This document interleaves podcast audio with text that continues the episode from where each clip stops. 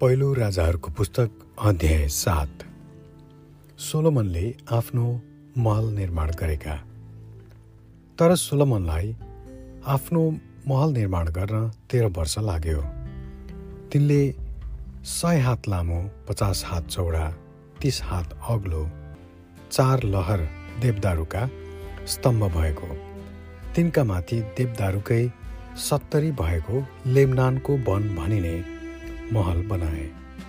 स्तम्भमा अडिएका ती सत्तरीहरूमाथि देवदारूको छत लगाइयो। प्रत्येक लहरमा पन्ध्रवटा सत्तरी गरी जम्मै पैँतालिसवटा सत्तरी थिए। त्यसका झ्यालका तीन लहरहरूमा अग्ला गरी राखिएका थिए। ती आम्ने सामने फर्केका थिए। सबै ढोकाका आयतकार चौकसहरू थिए। ती अगाडिपट्टि तिन तिनवटाका पङ्क्तिमा एक अर्कोतिर फर्केका थिए। तिनले पचास हात लामो र तिस हात चौडा स्तम्भहरूले घेरिएको चोक बनाए। त्यसको अघि एउटा दलान थियो र त्यसको सामु खम्बाहरू र एउटा बाहिर निस्केको छत थियो। तिनले न्याय भवन अर्थात् सिंहासन भवन बनाए।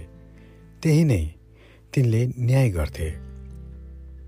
तिनले भुइँदेखि दलिनसम्म त्यसलाई देवदारूले छोपे।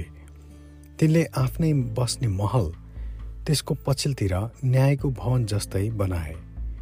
तिनले विवाह गरेर ल्याएकी फारुकी छोरीको निम्ति पनि त्यस जस्तै महल बनाए।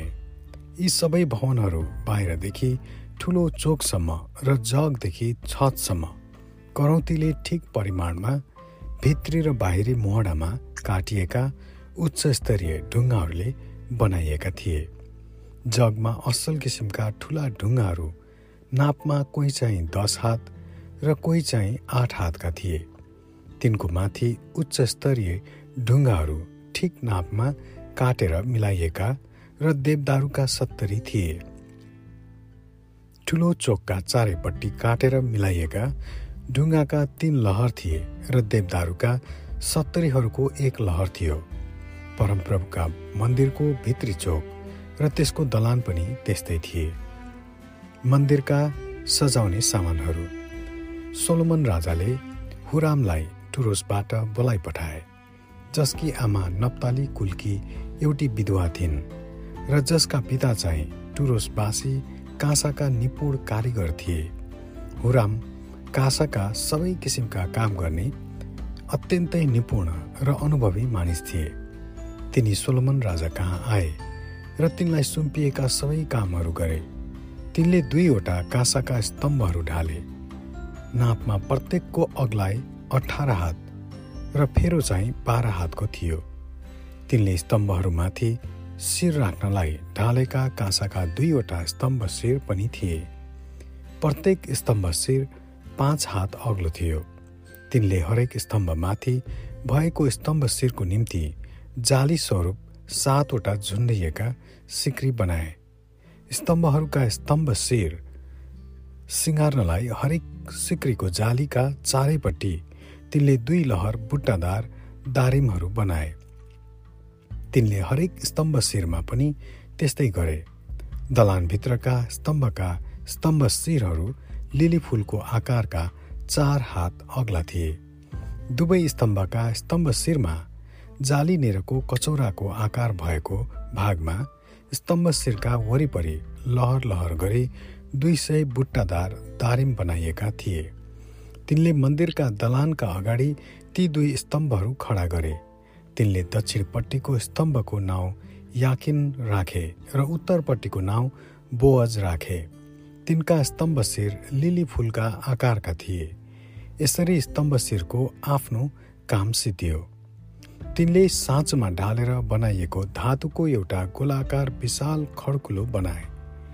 त्यसको बिट एक किनारदेखि अर्को किनारसम्म दस हात थियो र त्यसको पाँच हात अग्लो थियो।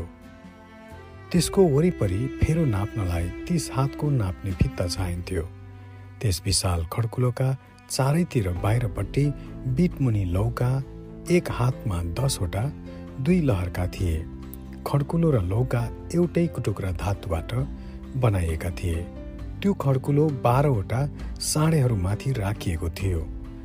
तिनवटा उत्तरतिर फर्केका तिनवटा पश्चिमतिर फर्केका तिनवटा दक्षिणतिर फर्केका र तिनवटा पूर्वतिर फर्केका थिए। तिनका पछिल्ला भाग भित्रपट्टि फर्केका थिए। त्यो खड्कुलो चाहिँ तिनीहरू माथि थियो। त्यसको चौडाइ चार अङ्गुल थियो। र त्यसको बिट चाहिँ कचौराको बिट जस्तै फर्केको लिली फुल जस्तै थियो। त्यसमा प्राय चौवालिस हजार लिटर पानी अटाउँथ्यो। तिनले काँसाका दसवटा आधारहरू पनि बनाए। प्रत्येक चार हात लामो चार हात चौडा र तिन हात अग्लो थियो। ती गुड्ने आधारहरू यसरी बनाइएका थिए। तिनका वरिपरिका पाटाहरू ठाडा फ्रेममा जोडिएका थिए। ती पाटाहरू र फ्रेमहरूमा पनि सिंहहरू साँडेहरू र करुबहरू थिए। फ्रेम माथि पनि प्रत्येक गुड्ने टेकामा काँसाका धुरा भएका चारवटा काँसाका चक्काहरू थिए। हरेकमा चार टेकामा अडेको एक बाटा थियो जसका वरिपरि ढलौटे मालाहरू थिए। गुड्ने आधारभित्र खुला भाग थियो जसको गोलाकार एक हात गहिरो गोला फ्रेम थियो। यसको खुला भाग गोलाकार थियो। र यसको तल्लो भाग समेत डेढ हात चौडा थियो। त्यसको खुला भागको वरिपरि बुट्टाहरू थिए। गुड्ने आधारका पाटाहरू गोला होइन तर वर्गाकार थिए। ती चारैवटा चक्काहरू पाटाहरूका मुनतिर थिए। चक्काहरूका धुराहरू गुड्ने आधारसँगै गाँसिएका थिए। हरेक चक्काको उचाइ डेढ हात थियो। चक्काहरू रथका चक्का जस्तै बनाइएका थिए। तिनका धुरा बिट सुइरा र नाभिहरू सबै ढालेर बनाइएका धातुका थिए। प्रत्येक कुद्ने आधारका चारवटा समाले बिडहरू चाहिँ एक एक कुनामा थिए। ती गुड्ने आधारबाट बाहिर निस्केका थिए। हरेक गुड्ने आधारका वरिपरि टुप्पामा आधा हात गहिरो गोलाकार धातुको भित्ता थियो। गुड्ने आधारका टेकाहरू र पाटाहरू त्यसकै टुप्पासँग गाँसिएका थिए। पाटाहरूमा जहाँ जहाँ खाली ठाउँ थियो त्यहाँ त्यहाँ तिनले करुबहरू सिंहहरू र खजुरका बोटहरू र त्यसका वरिपरि मालाहरू कुदेर बनाए। यसरी नै तिनले ती दसवटा गुड्ने आधारहरू बनाए। ती सबै एउटै नाप र एउटै आकार भएका साँचोमा ढालेर बनाइएका थिए। त्यसपछि तिनले काँसाका दसवटा बाटाहरू बनाए। प्रत्येक आठ सय अस्सी लिटर पानी अटाउने र नापमा चार हात बराबर थियो। ती दसैँवटा गुड्ने आधारका निम्ति एउटा एउटा बाटा बनाइयो।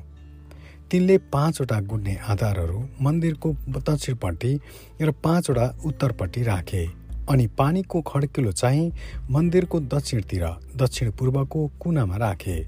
तिनले बाटा र बेल्चाहरू र अरू विशेष छर्कने बाटाहरू बनाए। यसरी हुरामले परमप्रभुको मन्दिरमा सोलमन राजाको लागि आफ्नो जिम्मामा लिएका सबै काम सिद्ध्याए। दुई स्तम्भहरू स्तम्भका टुप्पामा कचौराको आकारका दुई स्तम्भ शिर स्तम्भमाथि राखिएका स्तम्भ शिरहरू सजाउने दुई बुट्टादार जालीहरू दुई जालीहरूका निम्ति चार सय दारिमहरू दुई स्तम्भहरूका कचौराको आकार भएका स्तम्भ शिरलाई ढाक्ने प्रत्येक जालीको निम्ति दुई लहर दारिमहरू दसवटा गुड्ने आधारहरू तिनका दसवटा बाटाहरू समेत एउटा विशाल खड्कुलो र त्यसको मुन्तिर बाह्रवटा साँडेहरू भाँडाहरू बेल्चाहरू र छर्कने बाटाहरू यी सबै चिजहरू जो हुरामले परमप्रभुका मन्दिरको निम्ति सोलोमन राजाको लागि बनाएका थिए। टल्काएका काँसाका थिए। राजाले यी एर्दनको मैदानमा सुक्कोत र सरतानको बीचमा साँचाहरूमा ढालेर बनाउन लगाएका थिए। सोलोमनले यति धेरै चिजहरू बनाए कि ती नजोखी नै राखे। ती बनाउनलाई प्रयोग गरिएका काँसाको ओजन निधो गरिएन। सोलोमनले परमप्रभुको मन्दिरका जम्मै सजाउने सामानहरू पनि बनाए।